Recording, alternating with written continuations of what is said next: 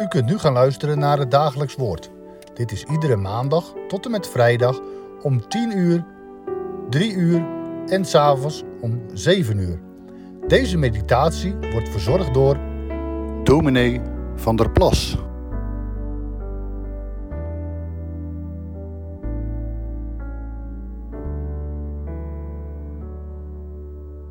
Hartelijk welkom bij Dagelijks Woord. We lezen verder in de brief aan Efeze, tweede hoofdstuk, vers 11 tot 16. Bedenk daarom dat u die voorheen heidenen was in het vlees en die onbesnedenen genoemd werd door hen die genoemd worden besnijdenis in het vlees, die met hand gebeurt, dat u in die tijd zonder Christus was, vervreemd van het burgerschap van Israël en vreemdelingen wat betreft de verbonden van de belofte. U had geen hoop en was zonder God in de wereld. Maar nu in Christus Jezus bent u, die voorheen ver af was, door het bloed van Christus dichtbij gekomen. Want Hij is onze vrede, die beiden één gemaakt heeft. En door de tussenmuur die scheiding maakte af te breken, heeft Hij de vijandschap in zijn vlees teniet gedaan, namelijk de wet van de geboden, die uit bepalingen bestond, opdat hij die twee in zichzelf tot één nieuwe mens zou scheppen en zo vrede zou maken, en opdat hij die beiden in één lichaam met God zou verzoenen door het kruis, waaraan hij de vijandschap gedood heeft. Het schriftgedeelte dat we vandaag voor ons hebben herinnert aan de oude tempel in Jeruzalem. U weet wel, die was helemaal gemaakt naar het voorbeeld dat de Heere aan Mozes had gegeven.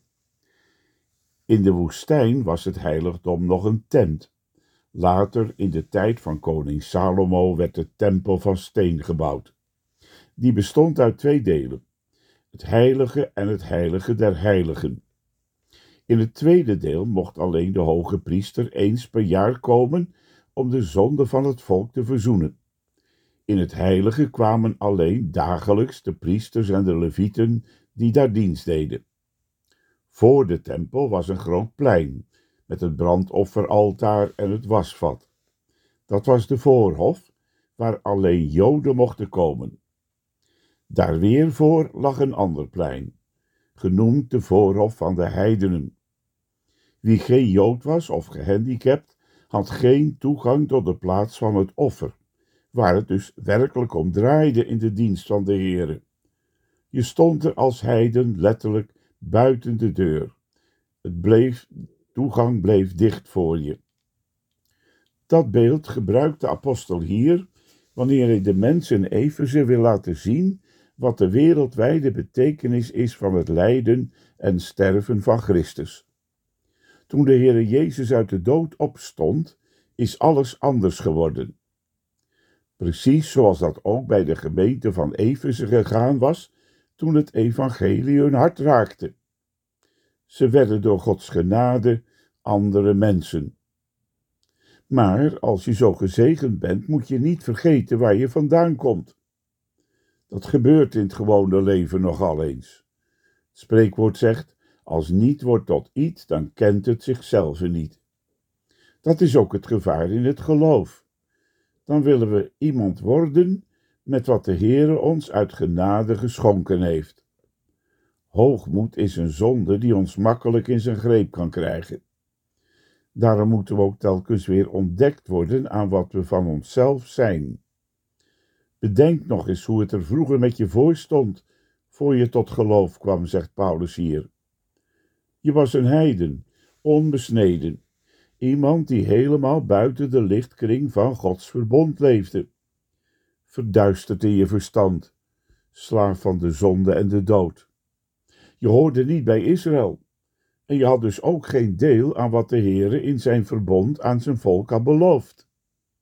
Je was echt een verloren mens zonder hoop in de wereld. Als je al probeerde met God in het reine te komen, dan liep je tegen een muur van allerlei wetten en voorschriften op. Israël leefde bij de wet. Dat was het volk van Gods belofte.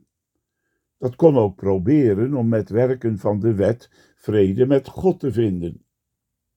Maar waar moesten jullie heidenen dat nu uit Efeze zoeken? Je afgoden konden je het niet geven.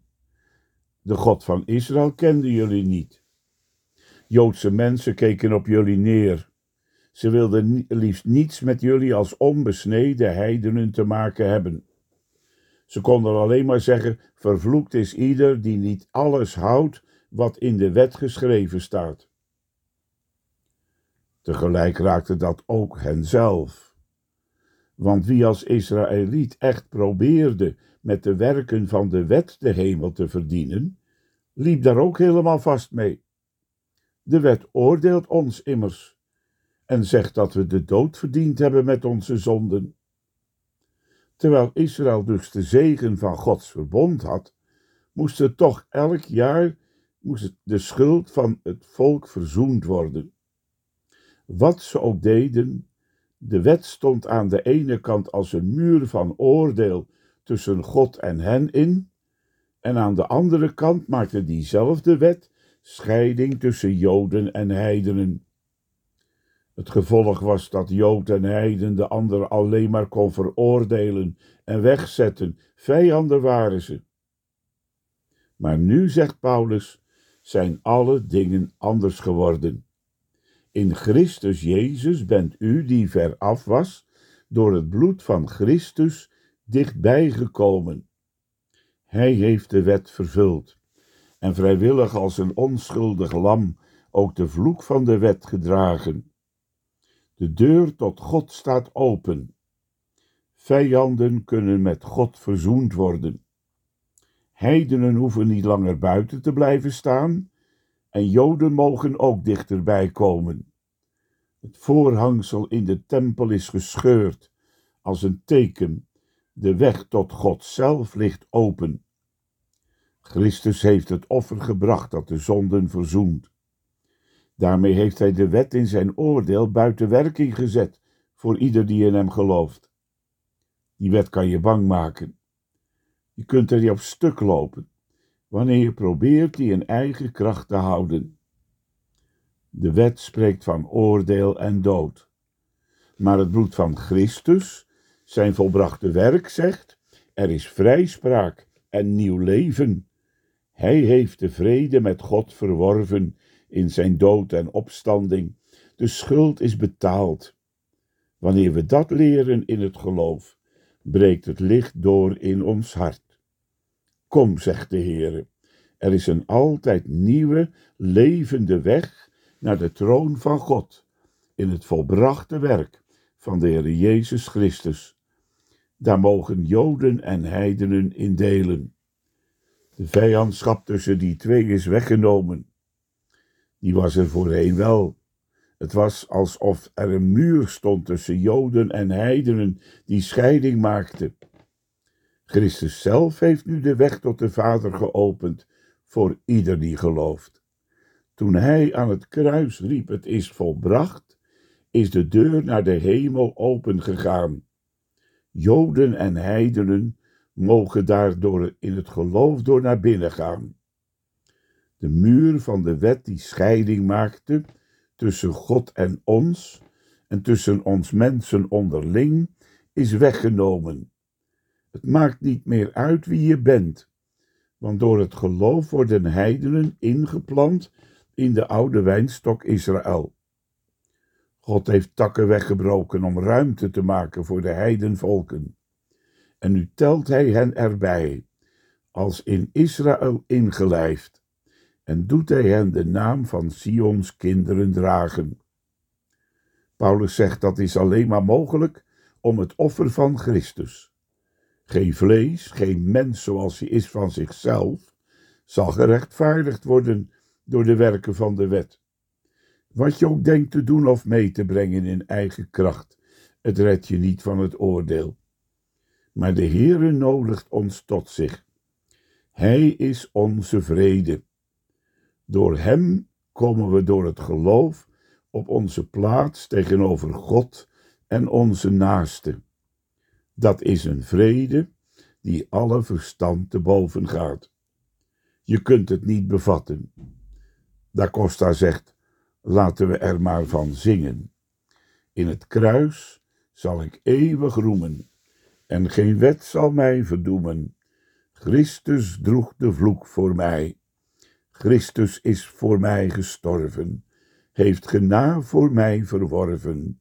Ik ben van dood en zonde vrij. Amen. We gaan samen bidden en danken. Here, wij danken u voor uw woord. U komt tot ons met een gedeelte wat ons wil wijzen op dat de rijkdom van het werk van de Heere Jezus Christus, opdat we u zouden kennen en samen met u zouden leven door het geloof. Werk dat en versterk dat in ons hart door uw Heilige Geest. Gaat, laat het woord met ons meegaan en ga gij zelf ook met ons mee in de kracht van uw Heilige Geest. Leid en help ons uit genade alleen, om Jezus wil. Amen.